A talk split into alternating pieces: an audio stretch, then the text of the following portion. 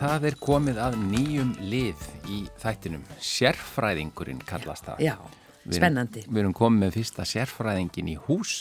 Eh, við ætlum að fá hérna á næstu fymtu dögum og, og halda áfram með þetta síðan í haust uh, að fá sérfræðinga til þess að svara spurningum hlustenda. Og hingaði komin Aldís Björg, Þorbjörg Ólastóttir, kynlífsráðgjafi. Velkomin í þáttinn. Takk. Kæri sérfræðingur. Það, það er ekki kæri póstur eða kæri, kæri þáttur, heldur bara kæri sérfræðingur. Já, og við fengum svo góð viðbröðum þetta á heimsóknina til okkar um daginn og þetta spjall. Frábært. Þannig við ákvæðum bara að byrja á þessu, að því það voru margir svona sem, sem voru með spurningar. Þannig að við báðum hlustendur um að senda til okkar í gegnum mannlegi afturúf.is. Fengum nokkur bref, ég segi ekki í tögum talið, en, en, hérna, en nokkur ansi góð og við ákvæðum að velja svona þrjár, er, þrjú bref sem er kannski eiga svona pínlítið sameilegt þannig að þetta verður svona nokkus konar þema í dag. Já. Mjög flott. Ég ætla, ég ætla að lesa hérna og við auðvitað förum, það er að segja, e, hlustendur sem að senda inn geta farið fram á nafnleind og, og fylgsta trúnaði heitið og það er í öllum þessum tilvikum. Þannig að e, hér er eitt bref, góðan dag, ég er 46 ára kona og hefur í góðu hjónabandi í 13 ár. Við erum alltaf ástfangin en það líður alltaf lengra og lengra millir kynlífs hjá okkur. Er þetta bara gangur lífsins eða er hægt að gera eitthvað í þessu? Við tölum saman um þetta opið og erum bæði sammála um að við upplifun eins og þótt við séum döglega að kissa hvort annað og strjúka hvort öðru, þá leiðir það sjaldandi kynlífs. Er þetta eðlilegt með við aldur og ef ekki, hvað gæti verið málið? Tek fram að við erum ballaus og höfum ekki afkomi á okkur eða neitt slíkt. Virkar meira eins og þreita en ég get ekki alveg líst þessu betur. Og svo er hér annað, við erum meðaldra hjón, hvað sem það er nú kannski þýðir. Á besta aldri. Það fylgir ekki með, já, á besta aldri og það er svo komið hjá okkur að við höfum mjög mismunandi löngun til að stunda kynlíf.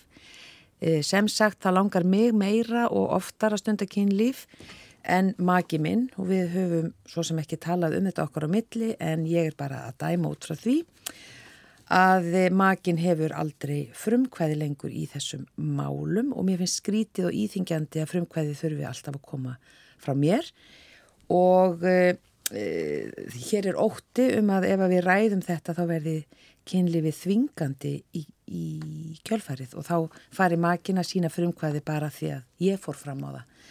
Ég var einn að skauta fram hjá hérna, já, já. Uh, en já, hvað getur við gert?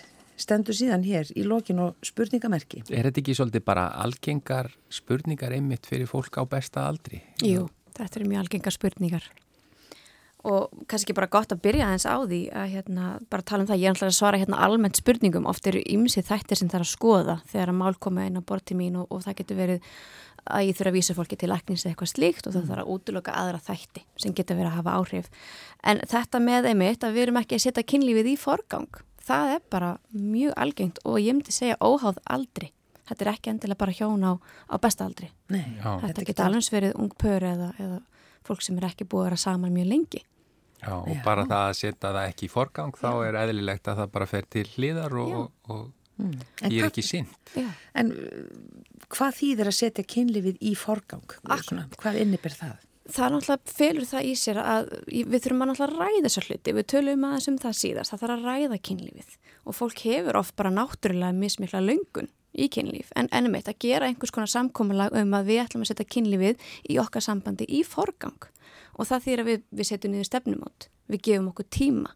Við ræktum kynlífið, við tölum um kynlíf. Við tölum um fantasýr og þetta er það sem ég langar svolítið að koma einmitt inn á því að, að það er alveg, alveg mjög eðlilegt að kynlífslöngunin breytist. Það getur verið aldur, það getur komið upp veikindi, líkamleg andli veikindi, kvíð og þunglindi og ímist líf geta haft áhrif á kynlöngun. Mm.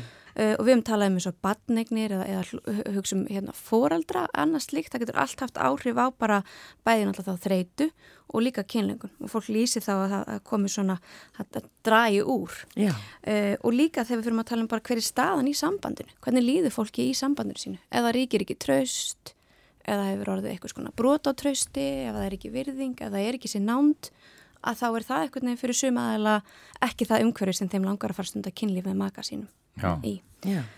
Þannig að stundum er það þannig að við þurfum bara virkilega að vísa öðrum aðilanum eða báðum í einhvers konar úræði hvort sem að það er að skoða verki eða, eða vinna með þá eða, eða draga úr kvíða og deburð eða hérna, eitthvað slíkt.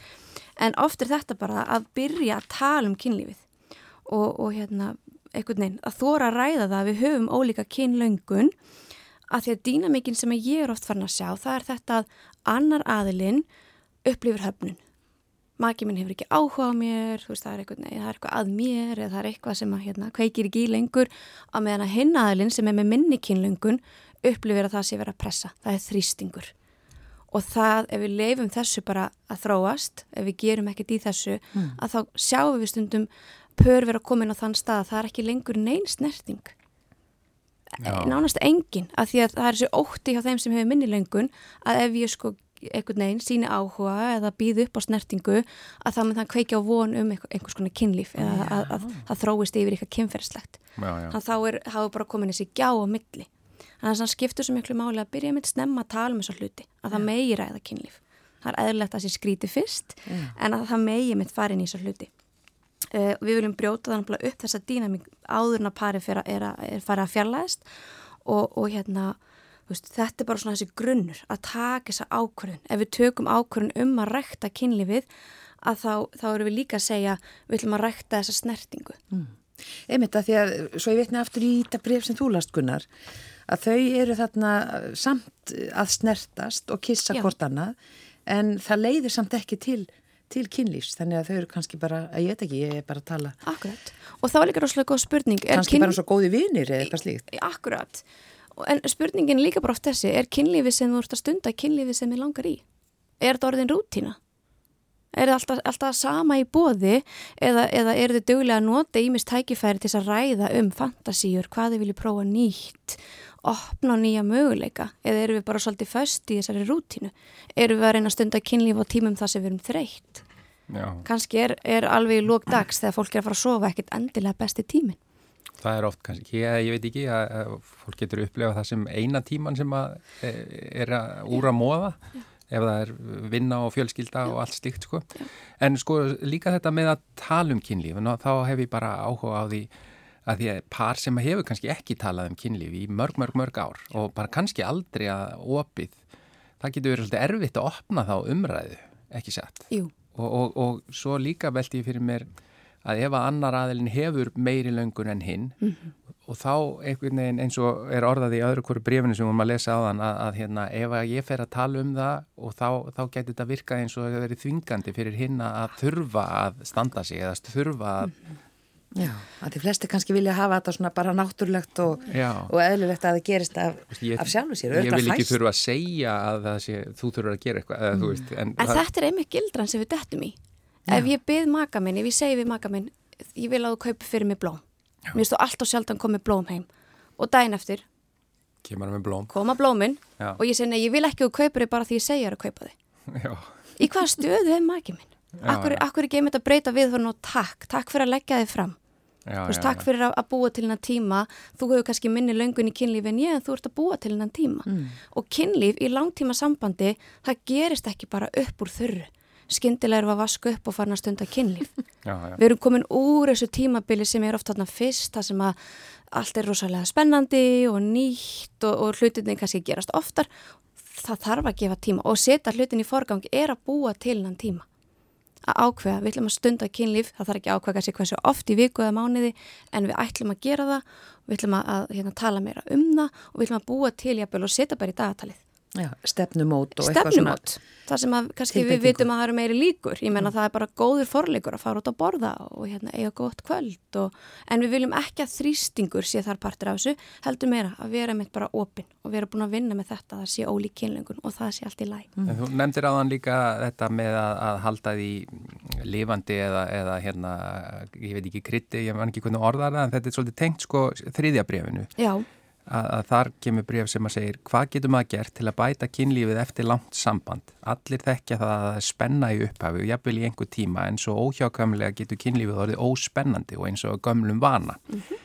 við, erum, við erum ekki til í hlutverkaleiki, makaskipti eða neitt slíkt sem okkur þykir vandræðilegt og ofdjart. Eru til einhverja lausni sem er ekki svona drastískar?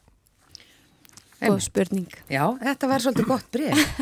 Örgna margi sem geta svona samsama sér þessu. Já, það er ekki allir til í eitthvað, eitthvað brjálað sko. Og stundum er einmitt umræðan þarna, við búum á tímum þar sem er meira kannski verið að tala um kynlíf og svona bara í, í fjölmjölum og annað, og við erum ekkert öll að tengja við það sem að hérna, sumir er að gera til þess að krytta upp á sér kynlíf en bara gott að nefna það, þetta er algengt og þetta er í raun að veru kannski þessi eðla þróun, byrjunni sem mikla spenna svo breytist þetta og við mm. þurfum að taka ákvörun um að rækta sambandið um, en þannig er einmitt veist, þessi góði punktur að, að kynlífi getur áfram verið spennandi og gott.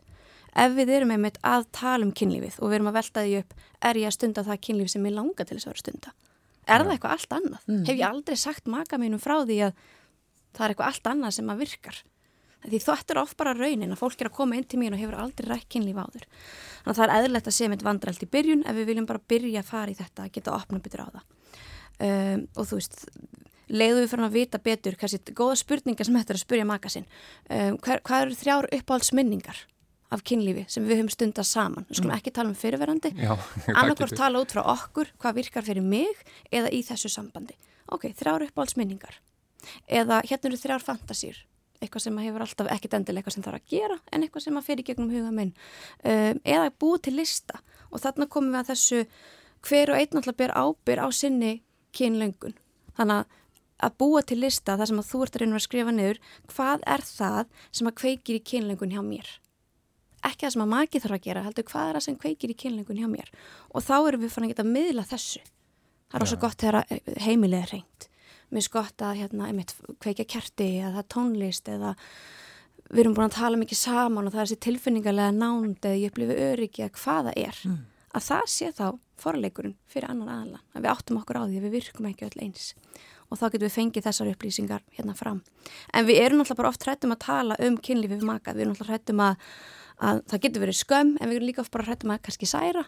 Kannski hefur ekkit endilega verið að njóta þess sem að hefur verið í bóði og, og þú ætlar að fara að miðla því. Mm. þannig að við viljum náttúrulega líka, þegar við verum að tala um kynlíf þá er náttúrulegt að fólk sé aðeins meira kvíðið, það er aðeins meira spenna, þannig að við viljum um bara þú veist, bara nálga smaka okkar að nærgetni og tala út frá okkur einmitt, og vera svolítið opinn. Já, að þetta er viðkvæmt. Þetta er viðkvæmt, en það er í raun rosalega margt sem við getum gert til að krytta upp á kynlífið, það er að góða. En það sem er oft það sem ég er að benda pörum á í langtíma sambandi er að við þráum nýjunga, við þráum spennu og ástríðu og tilhlökkun. Langtíma samband er stöðuleiki, fyrirsjáhanleiki þetta langtíma, þessi skuldbinding þetta fer ekkit ábúrslega vel saman þannig að við þurfum að, að átt okkur á því að til þess að við halda spennu að þá þurfum við að rekta okkur halda fram að sína okkar áhuga málum og vera bara til utan sambandsins og hérna vera bara svolítið ána með okkur og finna kynveruna innra með okkur. Við þurfum að gera spennandi hluti með maka. Ekki endilega bara þess að kemur að kynlífi, skella sér okkur námskeið, gera eitthvað nýtt, veist, fara og æfa eitthvað sem þið hafa aldrei gert. Þannig að við viljum tengja maka við eitthvað annað en hvertaslífið og hérna bara ég mynd halda fram að rækta þetta, veist, að gera eitthvað skemmtileg plön og krytta upp á það þannhátt mm. en svo er náttúrulega bara svar við þessu það sem að virka fyrir eitt virkar ekki fyrir annan. Þannig að hérna fyrir sumar það hafa bara kveikt á ljósin í söfnirbyggið, það er að krytta upp á kynlífið. Já, að ja. tala um fantasýr það er að krytta fara saman og kaupa hjálpatæki það, það er svo margt. Já. og við getum fara að tala um, leður fann að tala um kynlíf. Ertu fann að segja kannski meira frá eitthvað, það geta komið fram blæti eða king eða eitthvað sem fólk vil prófa. Og, og hérna, veist, þá er í raun og veru hægt að fara virkilega að skoða hvaða er sem þið viljið gera saman. Þannig að stundum er líka gott að hugsa um bara ólíka staði, álíkum tíma og sumir hafa nota þessa daga, nota ammælistagana sína eða, eða áramóta eitthvað slíkt sem tækifæri til að, að, að deila einhverju nýju, ég væri til ég að prófa þetta mm. ég er búin að vera að hugsa mér um þetta að það sé einhverju svona ákveðni tímapunktar yfir árið þar sem við tökum kannski svolítið svona kannski dýpur umræð eða opnum á okkar nýtt mm. Þetta er mörg góð ráð Já, heldur betur, við þurfum að fá þið bara til að koma aftur Ekki eh, spurning Því að ég er vissum líka að þetta í dag kveikir fleiri spurningar þannig að hérna Aldís Þorbjörg Ólastóttir þakkaði kjallega fyrir að koma og vera eh, sérfræðingur dagsins í dag. Takk fyrir mig. Takk fyrir að byrja með okkur, eh, sem sagt, byrja þetta ferli Já. og við verum hérna aftur næsta fymtudag og þá verður sjúkraþjálfari. Já, þannig að við, byrjum, byrjum á því að hitta upp núna að endilega sendið einn spurningar eða eitthvað tengt sjúkraþjálfun. Já, mannlegi at uh, rúf.is en þið getur líka komið með spurningar um kynlíf. Já, sem aldrei getur þá svara næst þegar hún kemur. Akkurat.